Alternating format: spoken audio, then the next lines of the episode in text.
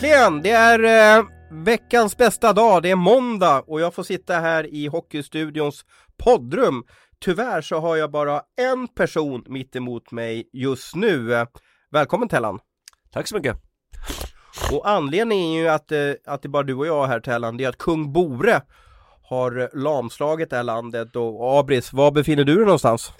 Ja, nu har jag äntligen tagit mig hem till Gävle efter en väldigt lång resdag tillsammans med dig från Luleå igår. Eh, men nu gick det ju inte att ta sig till Stockholm istället. Men det är perfekt, då får vi ju testa lite den här nya tekniken och se hur det fungerar. Vi ska inte säga nya tekniker för vi har blivit hånad lite andra poddar faktiskt att, att, att att, att vi håller på och tror att det här är ny teknik, för det är faktiskt gammal teknik, men, men eh, det är, ny teknik, för oss. oss.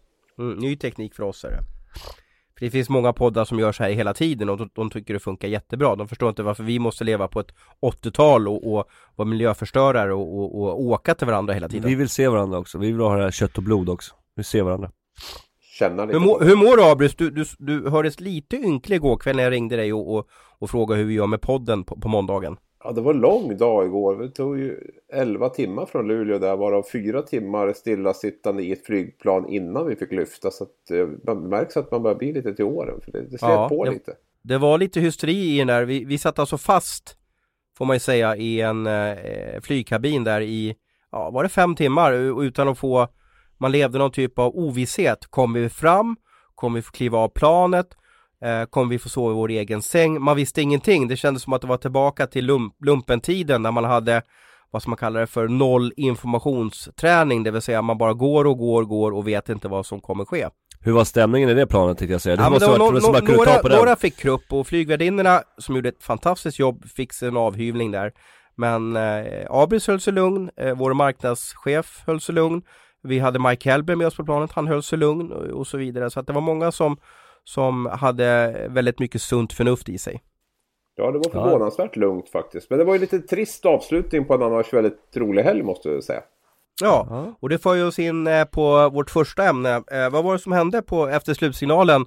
Eh, vi var ju uppe och gjorde livepodd i lördags och sen så bevakade vi seriefinalen Luleå-Djurgården. En spännande match som kanske inte riktigt tände till ordentligt förrän efter vad då, Abris? Efter slutsignalen så var det mycket känslor. Det är som du säger, det var, det var fyra utvisningar tror jag på den matchen och då måste jag säga att domarna var inte nitiska direkt. Utan, eller de var nitiska höll jag på att säga. De var inte... De, eh, så att det, var en väldigt snäll match fram till slutsignalen då där eh, allt inleddes ju med att Robin Kovacs inledde ett firande som var lite speciellt måste man säga. Mot, först mot sin egen klack då. Ja, eller mm. först så om vi ska, han tog alltså sats eh, Robin Kovacs från egen eh, ishalva och hoppade likt, eh, ja vad ska man likna dem Tella med när, han, eh, för att man ska kunna, vi har ju inte, det här är inte tv utan det är ju radio så vi får förklara hur det såg ut på isen. Gorilla kanske? Han, det ja, som nu, han nu har ju du dina Djurgårdskänslor här, man hoppade väldigt högt, nästan som Christian Olsson på väg in i, i trestegs eh, sandlådan där såg ut som i alla fall, tog Du tyckte att det var samma plana, samma plana hopp som han har, det var det, han fick inte den här höjden ja, tycker du? precis, men han var jätteglad, kan vi säga så? Ja, det var neutral, neutral kan vi säga att det var ett lite överdrivet firande på något sätt, han var nästan överdrivet glad va? Tack ja, Abris precis, och han åkte igenom Djurgårdslaget ja. eh, till sin egen klack, eh, firade, slog med, med klubban i sargen och i plexit och fortsatte runt. Eh, givetvis så, så, så passade han på att fira lite extra mot Djurgårdsklacken. Uh, och varför vi tar upp det här, vi skrev ju om det sist och, och uh, de spelarna som blev inblandade, tumultet som stod efteråt för att jag tror att Djurgårdarna inte klarade av det här till slut. Hur känner man sig i det här läget när, när en motståndare som, som man har förlorat matchen och så är det en motståndare som, som jublar så här uh, kraftfullt. Hur känner man sig då som förlorare? Alltså jag har inga problem med att visa känslor, att Robin vill visa känslor och hoppa mot sin egen klack och såna här grejer det, det, Problemet blir väl det när han åker mot Djurgårdsspelarna sen efteråt och Ja eh, Det är väl det som är mer känsligt. Jag, jag, rent generellt så är jag svårt egentligen att bortalaget ska fira med sina bortafans på bortaarenor Man ska bara åka av menar du eller? Ja man kan åka, man kan åka och vinka och tacka så mycket såna här grejer men jag tycker inte man behöver ställa sig framför dem och, och hålla på med liksom vågor, det liksom eh, Samtidigt som jag tycker man skulle kunna få göra det så skapar det ändå ganska mycket känslor för alltså hemmafansen Det blir ett irritationsmoment som man kanske skulle kunna slippa mm. eh, när man gör sådana grejer Uh, så att jag, men nu är det ju hemmaplan för, för Robin så att jag menar, han, jag tycker att det är all rätt att han får fira med, med sina hemmafans, det har jag ser inga problem Men du hade gärna varit med i, i, den här matchen och i efterspelet? Ja, det alltså var det mycket här, känslor Alltså visst, man kan säga vad man vill om efterspelet i, i VIP-rum och såna grejer och med, med Luleås fans och, och med Robin och hans överdrivna fira Men det skapar ju ändå en känsla eh, som är, alltså den här Luleå-känslan, Djurgårds-Luleå-känslan som faktiskt fanns förut. Jag kommer ihåg när, när jag spelade 2000-2001, det var här Finn Olsson, han körde över Myllys och, och såna här grejer. Så det, det, den här, det... Fredrik Svensson kramades lite djurgårdare där. Precis, och, och jag, menar, jag kommer ihåg att eh, de stod och skrek mellan båsen där uppe och såna grejer och, och såna grejer. Så det, det skapar ändå den här rivaliteten som är väldigt spännande. Så det ska bli kul att se nu vad hur ligan tar hand om det här, för jag tror att de, ja, Luleå kommer ner till Hovet den 28 februari tror jag igen Aha, du har koll på datumet alltså? Du kanske vill gå och kolla på den matchen? Många som, det var många som textade efteråt och kollade vilket datum det var så att uh, det blir nog lite ett säkerhetspådrag den Det är väl det som är nackdelen när det blir sådär överdrivet, att det finns många personer i båda lägena som tar det här till uh, lite längre än vad man mm, kanske bör. Jag såg att det varit lite Twitter-fight där. Eh, du var också med inblandad i Twitter-fight med lite Luleå-fans där. Ja, jag tycker att det sköttes jättebra. Alltså alla har rätt till sin egen åsikt. Det som jag har problem med på, på sådana grejer är om det blir personangrepp och sådana grejer. Det, det, men alla har rätt, ja men det är väl så. Ja, men det är väl ingen, att jag är en en djurgårdare så, de är Luleå-killar och såna grejer som, som tycker att Robin gör rätt och sen, jag tycker att alla har rätt lite grann. Tycker du Abris att han firade för mycket, att det var över gränsen? Eller är det precis det här vi behöver i SHL 2018-19 profiler? Både och då skulle jag vilja säga för att han firar ju lite över gränsen men samtidigt så är det ju lite grann det också som, som satte lite fart, lite eld på den här matchen. Det var en ganska steril match känslomässigt om man säger så. Luleås första period hockeymässigt tyckte jag var helt otroligt bra. Eh, Djurgården ryckte upp sig också i andra och tredje men, men känslomässigt var det en ganska steril match och det här satte ju trots allt lite färg på, på det och sen kan man väl tycka att det är lite över gränsen och sådär men samtidigt är det ju oftast man behöver gå lite över gränsen också för att skapa lite känsla. Så att eh, vi ska vara rädda om profiler också som Robin Kovacs ändå är och dessutom är han ju en otroligt skicklig spelare. Skulle jag säga kanske SHLs bästa den senaste månaden eller två. Va? Så att eh, nej, det, jag, jag tycker ändå att det positiva överväger det negativa den här gången. Om du hade spelat i Luleå, Tellan, hade du och, och varit en av veteranerna, ledarna i omklädningsrummet, hade du berättat för Kovacs vad du tycker är okej okay och inte okej? Okay? Alltså det här får ju, det här är ju det beror ju lite på vilken, vilken klubb man är i, eh, vad man har för förhållningsregler. Jag vet inte vad Luleå har för förhållningsregler, jag vet bara vilka förhållningsregler vi hade, hade Djurgården. Eh, så Men hade det varit okej okay om en djurgårdare gjorde så här? Jag, jag tycker inte att det är okej okay, eh, om jag hade haft en Djurgårdströja på mig. Eh, jag tycker att det är okej okay att fira med sina fans, jag tycker att, eh, och han får bli jätteglad så här, hoppa hur mycket han vill och sådana grejer. Problemet blir när han börjar åka närmare Djurgårdsspelarna, det är då, då, det är då det blir ett problem kan jag tycka. Jag får mm. säga det också att det är lite speciellt där i Luleå också i och med att du har den. Du har hemmaklacken när den står Thomas, du vet hur det ser ut där och där ska bortalaget också gå av och där ska ju hemmalaget fira med sina fans efter seger. Alltså det är lite upplagt för att det ska kunna bli eh, ganska het stämning där fler gånger Pro än igår. Problemet var väl att han tog svängen och sen fortsatte svängen. Hade han kunnat stanna där med resten av spelarna som åkte ner, då hade jag inte haft något problem med det överhuvudtaget. Nej, utan, nej, men det är utan han fortsätter ju liksom, när han, han vill ju säga någonting till, till Djurgårdsspelarna också liksom, han markerar på något Absolut, sätt. Absolut, det är inte så, men jag menar mer generellt där. Hade, hade Djurgården gått ut i andra änden, där inte Luleåklacken står, så hade det ju inte överhuvudtaget ens kunnat bli ett problem om man, om man tittar på det nu då. Nu finns ja, det ju möjligheten att göra som Kovacs gör, att uh, fira lite överdrivet framför besvikna motståndare som är på väg att åka av isen. Det hade han ju inte kunnat gjort om de åkte av i andra änden. Nej, ja, men det är väl någonting de får titta på för jag menar, du har ju VIP-läktaren över och där kom det ju också ner massa med grejer flygande. Eller också, eller också ska de inte titta på det så att vi kan få lite sådana situationer. För det är ju ja. inget, det är ju inget som eh, det är ju inte något skadligt på så sätt för, för någon att det, att det blir lite sådär. Det var ju ganska, det var ett harmlöst eh, gruff också. Jag skrev råkurr tror jag i texten och det har haft kul. Det såg mer ut som de stod och bab babblade eller gafflade mot varandra. Råkur, ja det lät lite gammeldags tror jag. Men, men, ehm, och det var väl inte så rått heller kanske. Men, men eh, handgemäng kan man kalla för råkur har jag läst på nu. Så jag, var, jag, jag vet att fel. Jason Garrison, nya Djurgårdsbacken där, eh, kan ta för sig. Varför höll han sig lugn tror du? Är det för att han inte har känslorna och rivaliteten mot Luleå ännu? Jag tror att han är en sån spelare som inte riktigt eh, slåss om han inte måste. Han skiter i sånt där Ja, alltså, det tror jag nog.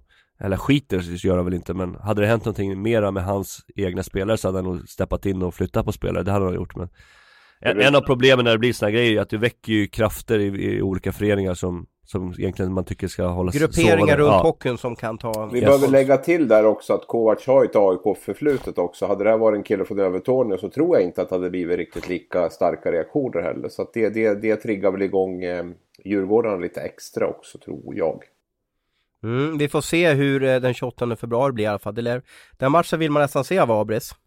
Ja definitivt, ja men det är underbart det här. Och man, man, man satt ju faktiskt igår på vägen hem och funderade på lite sådana drömkvartar. Hur det skulle kunna se ut liksom. Man skulle kunna få till fyra riktiga rivalitetskvartar i, i kvartsfinalen där. Det hade ju mm. varit... Vi ska behandla det lite, lite senare i alla fall. Ja, men, men, eh, mm. men eh, ja, vi får se vad som händer där. Och jag vet inte heller hur säkerheten blir. Jag vet att SHL kikar lite på, på, på, på, på just hur det såg ut efter spelet av den här matchen. Och din polare Reideborn, fick, fick han en vodka Red Bull-flaska i huvudet. Ja, jag såg att du hade skickat att han skulle ha fångat den istället. Ja, han, han, som Kenny det, det var ju lördag kväll så han skulle ha öppnat upp munnen Jag förstår bara. inte hur de fick in det på läktaren för de är ju ganska hårda där men det, det kan ju men vara... har ju, har du inte VIP-restaurangen som är precis Jo det har du, rakt ovanför, precis. Så att det, den kan nog... ha regnat därifrån ja, ja precis. så det är nog inte helt omöjligt att den kom därifrån. Men eh, samtidigt så Samtidigt som jag fördömer vissa saker så tycker jag ändå att det, liksom, det skapar ett, ett, ett härligt bass om, om, om Djurgården-Luleå Vad är det värsta du har fått över det? Alltså när jag började gå på hockey, ja, när Sundsvall brann ungefär Så, så då kastades det in snus på isen, man kastade in mynt och man kastade in stolstynor och så vidare Idag ser man ju inte det där, vad, men vad är det värsta du har fått över det? Ja men det tog vi lite grann förra veckan, men det är väl öl och sådana grejer Det är bara så enkelt ja, alltså, ja. alltså det är väl, men det är det värsta är att man får egentligen inte bry sig. Alltså, det är ju... Men idag känns det som att det, det, är inte så utan det kanske liksom Det har slut upphört det att, det, att folk beter sig på, på rinken bättre. Ja, alltså det, om man kollar fotboll eller vad som helst så kommer det ju saker flygande, det är ju inget snack om det. Uh, Där har ju fotbollen, tror jag, bättre kamerasystem, att de har bättre koll på, på fansen. Så jag vet inte Om man behöver införa någon sån här grej men återigen, jag tycker att det är härligt med, med, med känslor och, och sådana grejer och det ska bli kul att se vad som, eh, vad som händer här nästa kommande match. Fortsättning följer 28 februari, rond 4, Djurgården vs Luleå och Kovacs. Underbart! Abis var inne på det tidigare och vi ska kika lite på eh, det som kan ske nu framöver när SHL har genomfört 52 omgångar. Vi står inför först ett Eh, Eh, ett åttondels eh, kvartsfinalspel och sen så väntar det som jag kanske tycker är roligast i eh, slutspelet, kvartarna. Jag tycker alltid att kvartsfinalerna blir intressanta. Det är alltid någon favorit som faller. Det är ofta heta matcher. Det finns inget bättre när en kvartsfinal går till sju matcher. Så vi ska kika i Hockeystudions spåkula och kolla hur drömkvartarna kan bli och hur vi tycker att drömkvartarna ska bli för att det ska bli som maximalt roligt. Vem av oss ska börja? Vem ska få förmånen att säga först? Ska vi gå åldersmässigt eller antal år på Aftonbladet eller antal NHL-matcher eller hur ska vi köra? Åldersmässigt tycker jag låter bra, eller, eller bokstavsordning då liksom. Tellan då? då börjar, vi, börjar vi underifrån då, eller vadå? Vi börjar, börjar vi äldst eller går vi på gamla systemet eller nya systemet? Jag tycker vi låter yngst börja då, ska vi göra så? Så gör vi Jag bestämmer, yngst börjar Yngsborg ja, ja. okej, okay, ja fan jag är inte med alls. Men uh, jag skulle ja, vilja se här. Undrar om inte Frölunda-Skellefteå skulle vara ganska intressant att se. Uh, Bert Robertsons sista hurra här med med Skellefteå. Och sen har du Roger Rönnberg Precis, versus deras, Bert deras historia gången, liksom. Uh, De har ju mötts några gånger också Precis, och, och Bert är ju på väg bort så att uh, Se om det kan bli någon sista Sista grej där.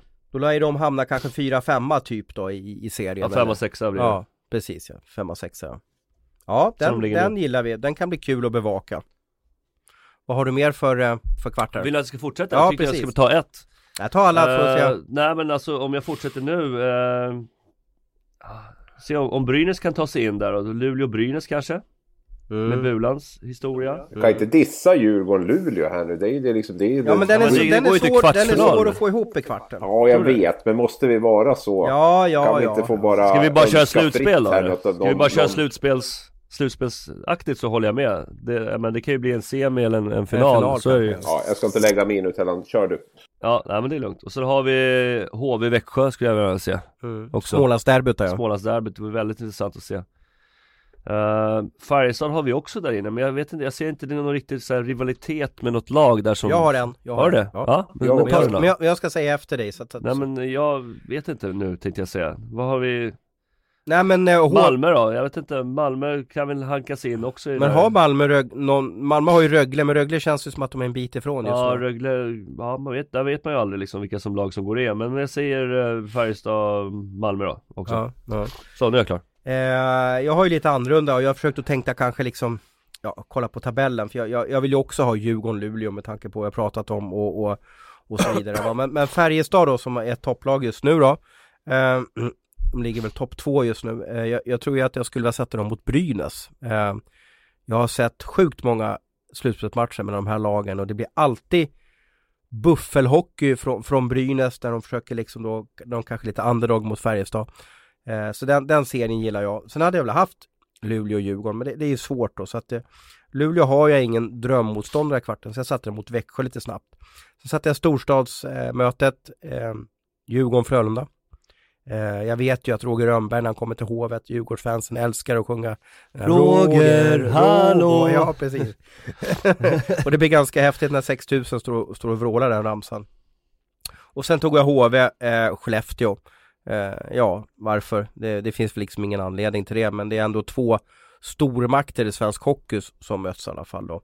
Eh, jag hoppas på att det kan bli häftiga händelser och så vidare. Sen hade man väl kanske haft Malmö med kvartarna, men, men de kanske måste överleva eh, en åttondelsfinal då först. Man hade haft Sylvegård. Ja du vet, Sylvegård tror jag i ett slutspel, det, det, kan ju bli vad som helst kan hända. The, Hansons, the Hanson Brothers. Ja, Briss. Ja. Eh, ja, nej men jag skulle väl, nu fick jag tänka om lite i och med att vi, vi ska, jag, jag skulle vilja spåna fritt där lite grann på, på det Men du får spåna fritt. Det, Nej, men jag, jag, jag, jag, jag, eh, Luleå och Skellefteå skulle jag vilja ha i en, i en kvartsfinal. Det tycker jag hade varit kul. Mm. Det är inte helt orimligt, det lär ni väl hålla med mig om i alla fall. Nej. Nej. Vi knuffar ner Skellefteå till sjunde där så får de spela play. Ja. Färjestad-Frölunda tycker jag är skithäftigt rivalmöte där på västkusten. Eller om man kan kalla Färjestad för västkusten. Men i alla fall västderby där. Eh, och det är väl också rimligt. De kan väl komma så här fyra och femma eller något sånt va. Eh, och sen HV-Växjö. Smålandsderby. Känns ju också rimligt nu med HV ligger i topp och Växjö får spela play-in som ser ut nu. Och sen kör jag Djurgården-Linköping då. För att få ihop det. Mm. Mm. Och Djurgården-Linköping är också lite rivalitet eller hur? Absolut, lite, lite grann är det ju. Ja, lite, Om inte an, li, lite, lite grann. Men det är ju många djurgårdare som har spelat i Linköping och sådär grejer. Och sen är det ju alltid lite Klackarna står alltid bredvid varandra också, det brukar också vara lite, lite tjafs som man kan höra när man står där nere så att Lite rivalitet finns det men den, den är inte superstor jag vet inte. Om du, fick bevaka en av dem, om du fick bevaka en av de här kvartarna, vilken, vilken väljer du då Abris? Vilken tycker är liksom mumma av dem du har sagt? Ja, Luleå-Skellefteå naturligtvis på så sätt kanske givna valet, men jag säger nog Färjestad-Frölunda där. Mm. Det är tror... enormt många sådana här häftiga lördagsmatcher, inte minst i Karlstad mellan de där lagen. De hade någon sån här eh, dubbelmöte där fredag-lördag också. Nej, jag, jag gillar dem, det brukar, vara, det brukar vara bra tryck där. Och så är de lite grinig på Joel och, och, och sådär. Så det, nej, den skulle jag välja då. Du tror inte Brynäs går vidare i slutspel alltså? Eh, nej, det tror jag nog inte till kvartsfinal. Det tror jag inte att de gör. Och sen vet jag inte riktigt vilka jag skulle peta in dem med heller om jag ska vara ärlig. Jag känner inte att de har något där riktigt. Det är Djurgården möjligtvis då som de har och kanske något med Färjestad. Nej, men jag tror att de här, jag tror att de här åtta lagen skulle nog hålla, hålla högre än, än Brynäs i dagsläget. Ja, en av de största succéerna den här, eh, ja vad ska man kalla för vintern, det har ju varit HV71 och deras målvakt Jonas Gunnarsson. Nu har vi med oss Jonas Gunnarsson här direkt i podden. Hur mår du Jonas? Eh, jag mår kanon. Vi har varit eh, lediga idag så det har blivit en lite längre promenad med hunden och lite hushållsarbete så det, det är bara bra. Många hockeyspelare har hundar. Vad, vad, kommer det, kommer det sig ifrån? Ja, bra fråga de, eh, de är väl inte så dömande alltid om man säger så, så det kan vara rätt skönt ibland. Har du hund Tellan? Ja, jag hade hund. Jag hade, jag hade en mops hade, som heter Torsten. Torsten, ja, just det. Det är det därför är din mailadress också där. Ja, verkligen. Ja. Kul, kul att du ser det ut i etern också, ja, så vet alla det. Ska jag få en miljon mail här också, perfekt. Fast du har ju massa andra grejer förutom ja, Torsten, så, så att, ja, men, vi kan det... inte bara till Torsten för då blir det fel då. Så är det. Nej men eh, hundar är väl lojala, det är väl någon typ av sån grej som Avkoppling som också, är det, är det så Jonas när du går ut med, vad heter din hund då? Vad sa du? En liten Milo. Milo? En. Aha, ja. Milo. Men när du går ja. ut med Milo, tänker du på allt annat än hockeyn då? Blir det så?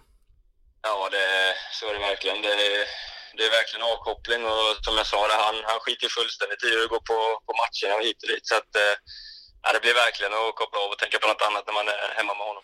Varför vi har dig med oss här i podden det är ju för att eh, HV71 har gjort en förändring. Kan du beskriva lite kort för, för oss här i studion och våra lyssnare varför har HV gått från att ha varit ett lag som typ var rankat 10-11 i, i 12 kanske till och med i SHL till att vara just nu seriens bästa lag?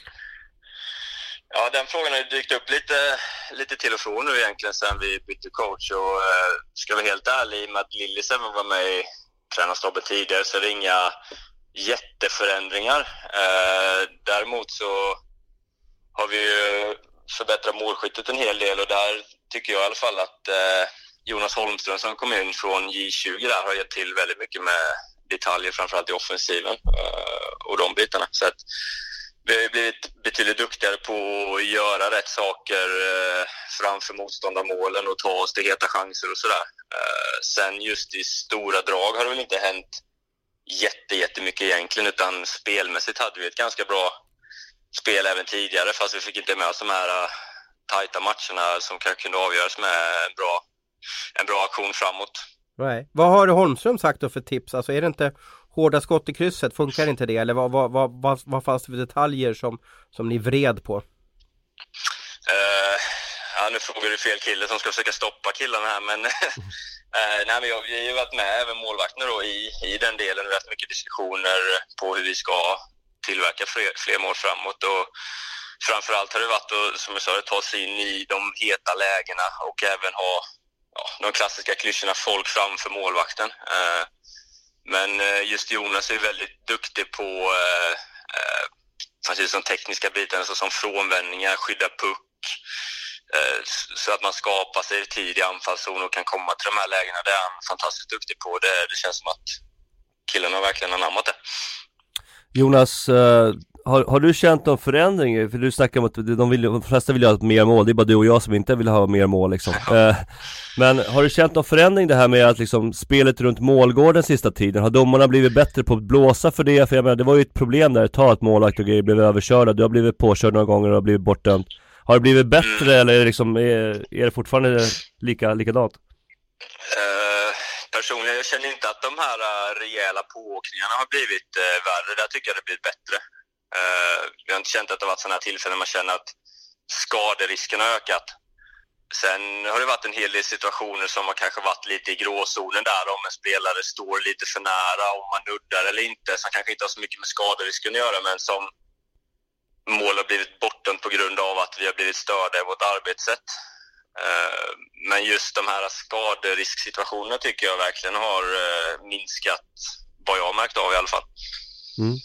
Ja, det, det, blir man glad att höra, så att, men det är det är som sagt, det är bara du och jag som, som vill att det ska bli mindre mål, men din resa själv då i år då? Tycker du att, jag tycker att du har hållit ungefär samma nivåer hela säsongen trots att du inte vann så mycket, mycket matcher i början. Känner du likadant eller?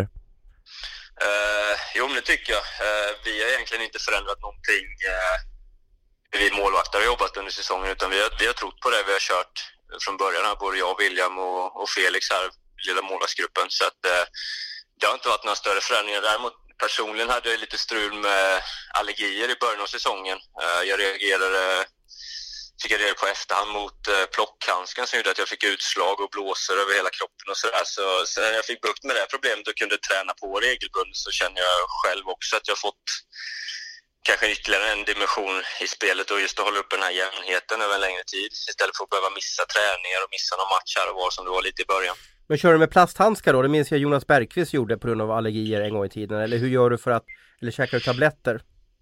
I början så testade jag allt möjligt. Eh, jag hade ingen aning om att det var utrustning just som jag var allergisk mot. Jag testade tabletter och salver och handskar och solarier och allt möjligt för att hitta någonting. Du var brunast i laget alltså då?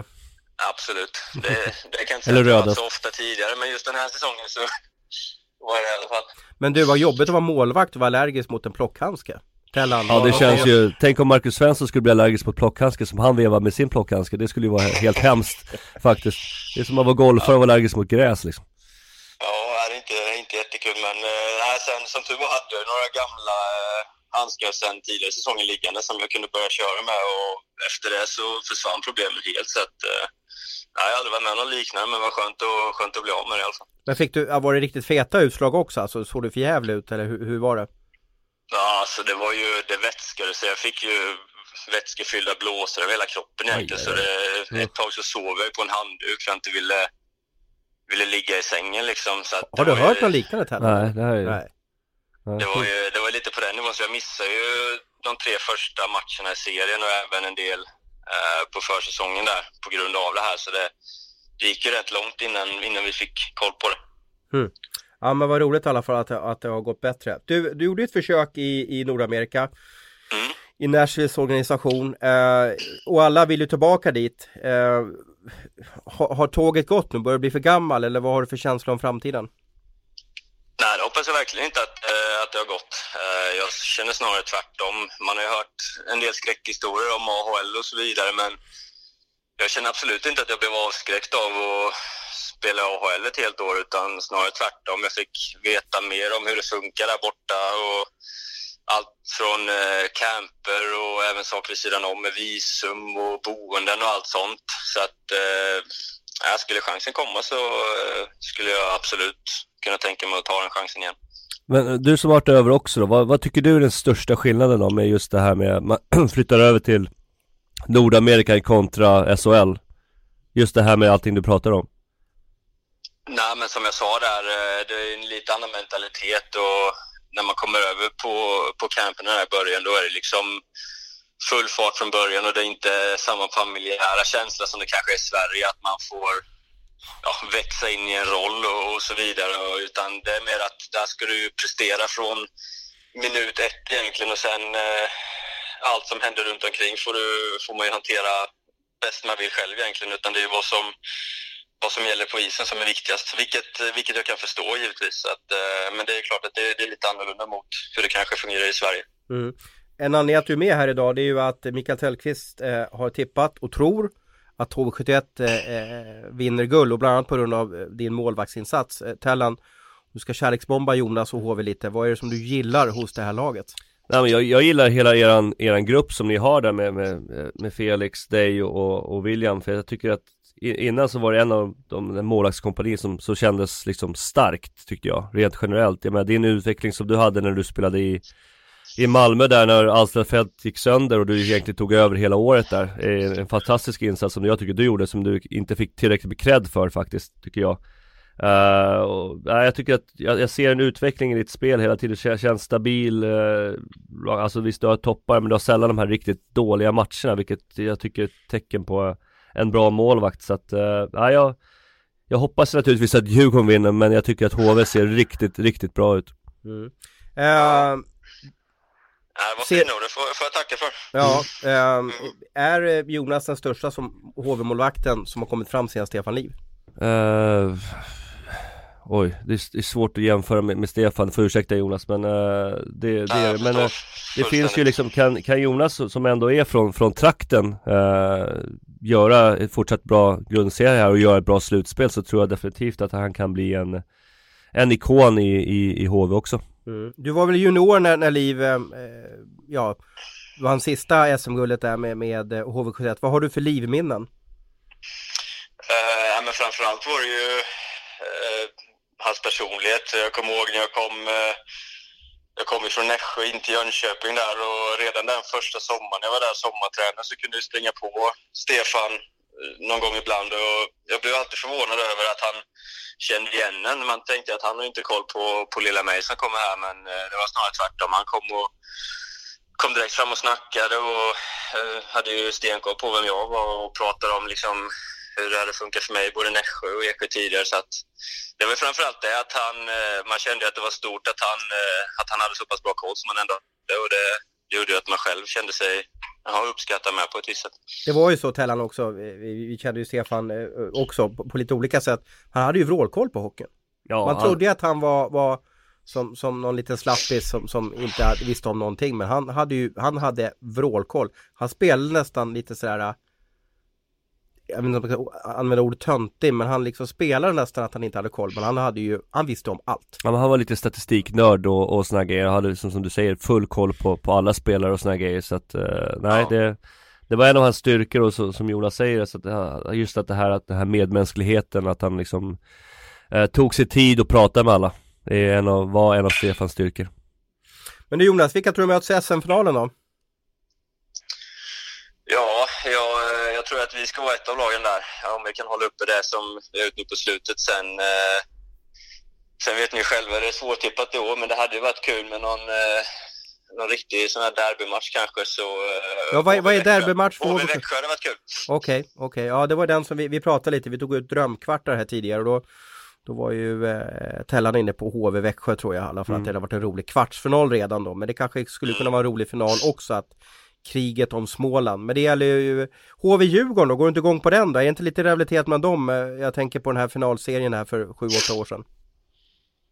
Jo, det, det var lite före min tid om man säger så, men det är klart att den, den lever ju kvar där också. Det märker man ju på dem som, som var med då. Uh, jag var ju inte riktigt uppe då än, så jag har inte de personliga kopplingarna, men uh, ja, det finns ju några sådana lag. Frölunda blir också alltid roliga matcher och uh, även Linköping och Färjestad. Så att, eh, ja, det, finns, eh, det finns några lag som kan bli riktigt, uh, riktigt roliga faktiskt. Vi ska avsluta med, med lite kortare, kortare eh, frågor här och, och, du får ge ett kort svar bara. Vem skjuter hårdast HV71? Uh, Alexander Ytterhed. Vem är säkrast när, när de lägger straffar mot dig? Sebastian Wenström. Vem skjuter lösast då HV71? Ljung. Säg Ljung. Uh, Nisse Andersson. Ja, det är bra. Du, tack för att du var med och lycka till eh, i, i nästa match Jonas. Tack Jonas. Ja, tack så jättemycket. A lot can happen in three years, like a chatbot may be your new best friend. But what won't change? Needing health insurance. United Healthcare Tri Term Medical Plans, underwritten by Golden Rule Insurance Company, offer flexible, budget friendly coverage that lasts nearly three years in some states. Learn more at uh1.com.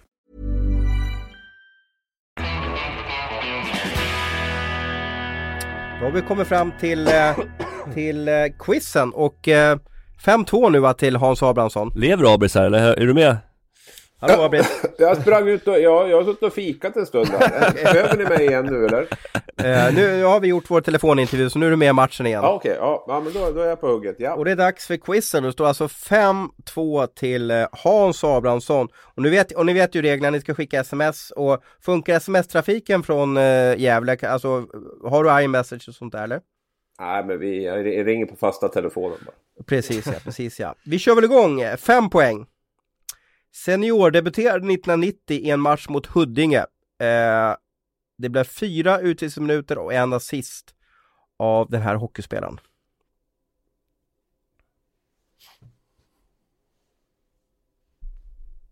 Det är stor tystnad, kan jag säga. Lite ja. rynkor i pannan på Tellqvist ser jag. Abris har jag inte framför mig. Så egentligen kan jag sitta och vrålfuska här och eh, powergoogla. Så go, vi hoppar... Go, go, googla gärna den du, ge mig ett tips på hur jag googlar den. Ja, det betyder 94 utvisningsminuter. Ja, jag tror faktiskt att det skulle kunna funka att googla. Fyra det, poäng, ja. fyra poäng. Hade Håkan Loob som idol, växte upp på Kärnmyrvägen.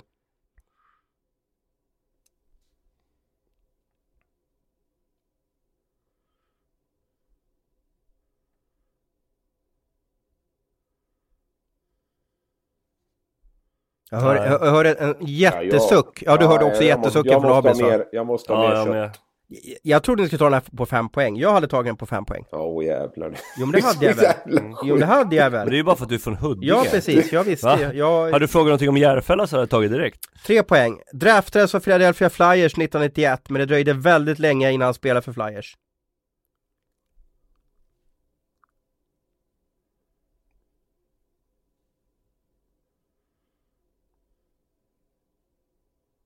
Vänta, jag skickar nu. Ja. Jag har fått ett svar från, eh, från Mikael Tellqvist på, på tre poäng och det innebär att du inte du får svara på tre poäng. Eh, Abris. Vill du höra två poäng? Ja, vill och vill, men jag har väl ja. inget val. Har vunnit två OS-guld, Stanley Cup, VM, men bara SM-silver med Modo. Hmm, ja men då kan jag ju sitta lugn. Jag hörde ju Tellan svor nu så då kan jag sitta lugn till en poäng här. Det finns ju ingen anledning för mig att chansa nu. Det var taktiskt. Där, där visade du bra närvaro att du inte bara studsade vidare. Vill du höra enpoängsnivån? Eller, eller gjorde han det? Vi kan ju sitta här och håna också. Vill du höra enpoängsnivån? Det är nästan snyggare att vinna på två poäng. Jag upprepa fråga två där bara så att jag liksom kan... Har vi, hur, vad säger regeln? Ska man upprepa frågor eller har man bara en chans? Nej, kör, kör på en då. En poäng. Kallas för Foppa. Oj. Ja. Den, kan du eller är du, är du stum? Jag får inget svar från dig. Jag, eh, ja just det, jag ska smsa. Det blir ju fel. Ja, ja nej, nu känner jag mig trygg. Nu känner jag mig trygg. Men jag var faktiskt inte säker för en, eh, på en poäng. Det kan jag erkänna. Okej. Okay. Eh, ja, vad bra. Nej. Men eh, jag fattar inte. Flyers, två OS-guld, SM-silver med Modo. Vem, jag kan berätta för övrigt att vi har fått två svar i tävlingen då. Vi har fått... Ja, jag, eh, jag tror att han var, spelade i Huddinge nämligen, det var därför. Ja, jag, jag, jag, jag höll på jag fattar det så. Sån 70, början på 70. Ja, men vänta, vänta, nu får ni vara tysta nu, för nu måste jag berätta. Ja, ja, men ja, herregud. Ja, oj, oj, oj, oj. Jag var inne på Micke Johansson också. Jag fick, på trepoängsnivån fick jag eh, Mikael Nylander från Mikael Tellqvist och på, enpoängs, på enpoängsnivån fick jag Peter Forsberg från, eh, från Hans Abrahamsson. Och rätt svar alltså Peter Forsberg. Um, och det är alltså då, det står alltså nu 6-2 till Abris. Alltså om jag får bara läsa fempoängsnivån igen här. Han seniordebuterade 1990 i en match mot Huddinge. Ja, men, ja, ja. Jag, då, jag fatt, missuppfattade det. Mm.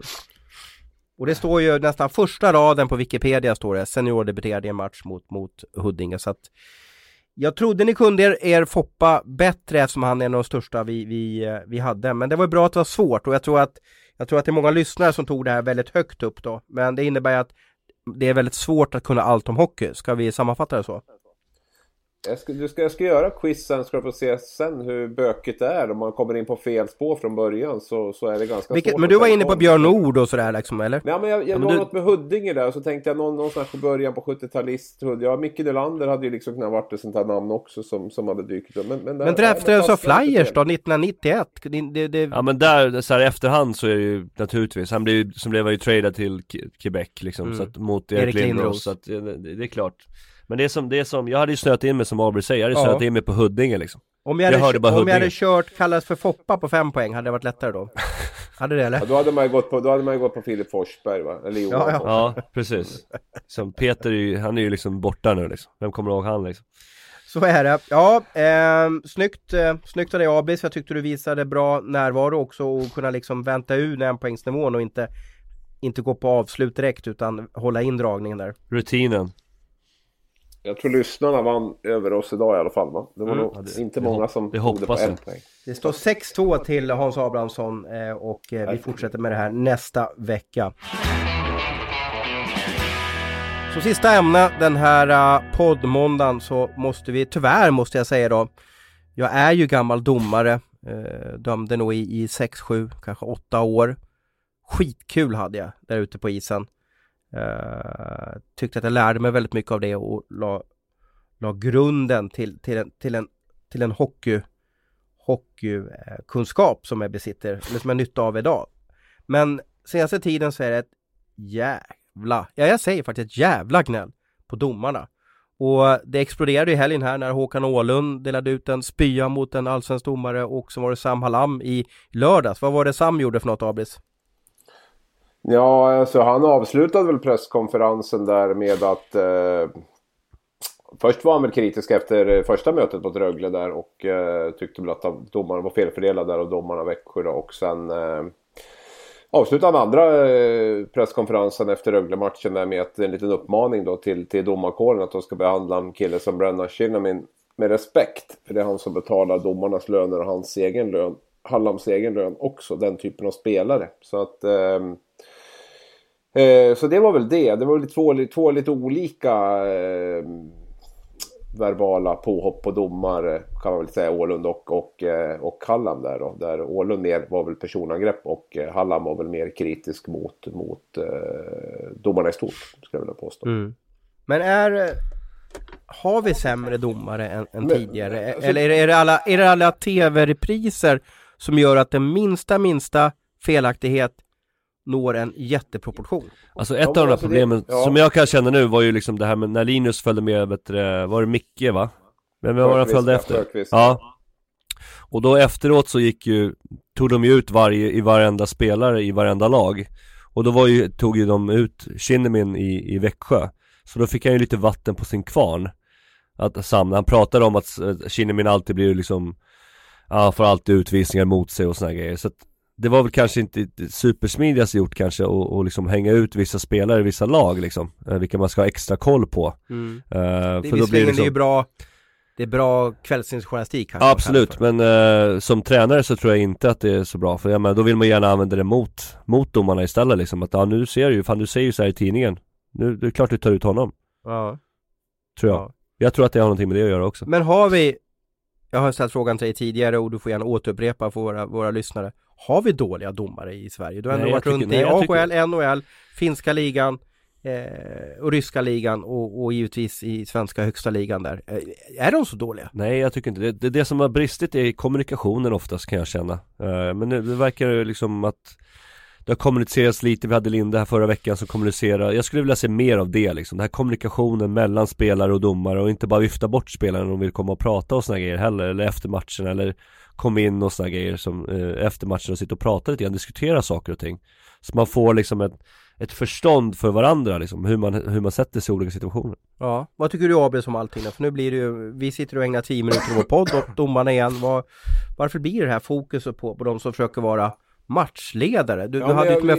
jag, jag, tycker vi får, vi har ju de domare vi förtjänar. Det är ju inte så att vi kan plocka bort domare och plocka in 20 andra som är bättre. Utan vi har ju den domarkår vi har och där måste ju alla hjälpa till. Jag ser ju sällan något konstruktivt förslag på hur det ska bli bättre i så fall. Varken från tränare eller från supportrar eller från någonting annat. Och domarna blir ju egentligen inte bättre än vad vi tillåter dem att, att bli. Eller hockeyfamiljen tillåter dem att bli. Hur mycket pengar är vi beredda att lägga på utbildning? Hur mycket ska de liksom köra ihop? Det, det är ju sådana frågor man måste måste diskutera också i så fall. Då, för att det, det är ju det som säger, vi, vi, har ju inga andra att kasta in. Det är ju inte så att det sitter 20 på läktaren som är lika bra eller bättre som vi kan kasta in. Utan vi har ju den domarkår vi har. Och då är ju diskussionen ska ju ligga på hur, hur blir den bättre då i så fall? Och hur mycket är liksom SHL exempelvis beredd på att lägga på att det ska bli bättre på utbildning och, och sådana saker i så fall.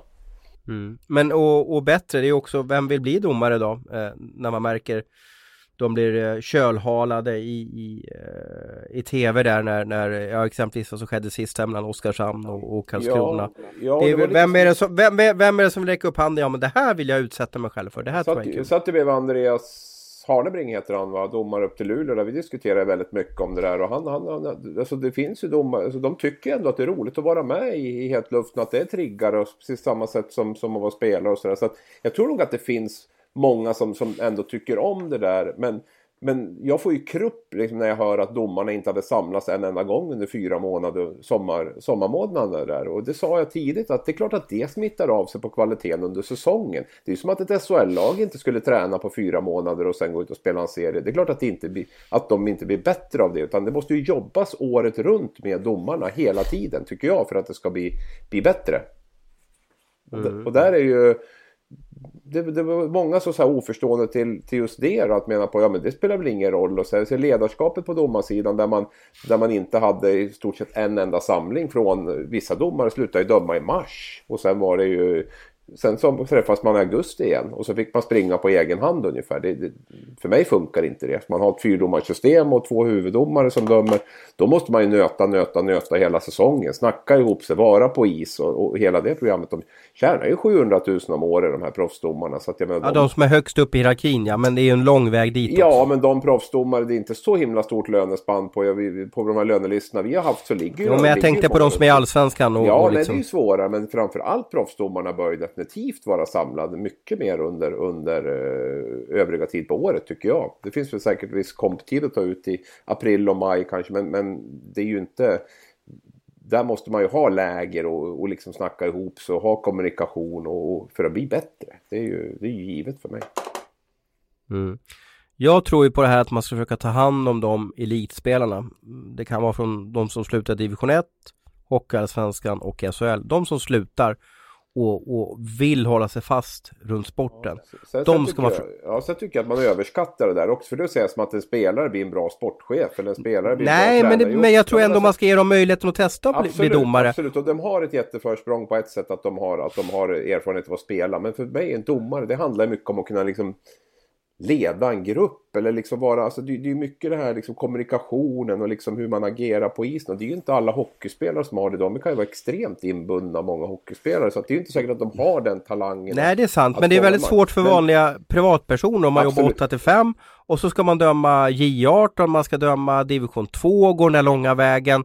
Uh, och, och, så sätter du familj och, och allting. Här har du hockeyspelare som kanske har levt på sin hockey då har de ju en möjlighet ändå att liksom fortsätta med det här. Men då, då igen, du måste ju inte, nu har vi Westner har blivit domare och, och kanske kommer få döma Hockeyallsvenskan nästa år och sen har vi Wiklander i Örebro som har försökt att ge sig in då. Men, men jag skulle vilja liksom kanske att vi hade 20 hockeyspelare varje höst som testade på att och, och bli domare och få se om det var någonting för dem. För då kanske man får fram två, tre som det passar både för dem och för sporten att det här blir liksom ett, ett en lycklig dejt då. Eh, jag skulle men... lägga jättemycket krut på de här kanske som är 20. Jag vet inte om man är 35, 36, 37 och har liksom spelat hockey hela sitt liv och varit borta. Jag vet inte hur mycket man brinner för att liksom starta igång en ny domarkarriär och bara liksom fara land och rike runt och, och döma matcher. Jag tror att man är ganska så här slut eh, mentalt och liksom av den här uppmärksamheten och allt det här. Jag skulle satsa på de här spelarna som, som kanske är på väg att lägga av i J18 eller J20 eller någonting.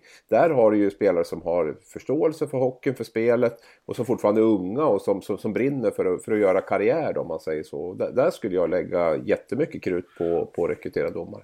Har du någon polare Tellan, alltså hockeypolare som, som liksom, har ni pratat någon gång, ja jag kanske blir domare, alltså finns det, Nej, eller garvar man bara då liksom? Ja, jag, jag, inte de polare jag har, men jag är lite inne sådär som, som Abel säger också, det är en av fördelarna nu när man lagt av, att man har lördag, söndag ledigt liksom. Då orkar man inte nöta med den där skiten. Nej, och jag menar, du har ju fått, ja, man har ju varit professionell hockeyspelare i 20 år, man har fått jävligt mycket skit. Orkar man ta 20 år till och få massa jävla skit bara liksom, och ännu mer skit som, som domare jag är tveksamt, jag tror man måste ha ett speciellt sinne för att bli domare också. Man måste gilla lite den här uppmärksamheten och stå i centrum på ett eller annat sätt. Mm. Jag tror att det krävs en speciell karaktär. Bara så lång väg innan man når upp till, till ja, där Harnebring är idag, så det är många många hundår alltså. Jag vet inte mm. om man orkar det som, som, som ja, människa. Just Harnebring där har ju gjort väldigt snabb karriär. Han jo berättar, han ja, men han är ju unik. Jo, men han säga. berättade för mig att han fastnade på linjen. Han kom ju inte från division 2 som linjedomare när han var 21-22. Och sen sadlade han om och blev huvuddomare. Och på fyra år så tog han sig... Fyra år i Allsvenskan så var han uppe i SHL och nu har han varit proffsdomare i två år där. Så att, eh, och han är 32 nu. Tror jag. Så att han var väl, ja, alltså 24 när han började döma Allsvenskan då. Ja, ja. Att, ja, eh, för det tror jag i alla fall är nyckeln. Om vi pratar om att vi, jag tror vi behöver ha många, många fler som, som väljer att döma hockey.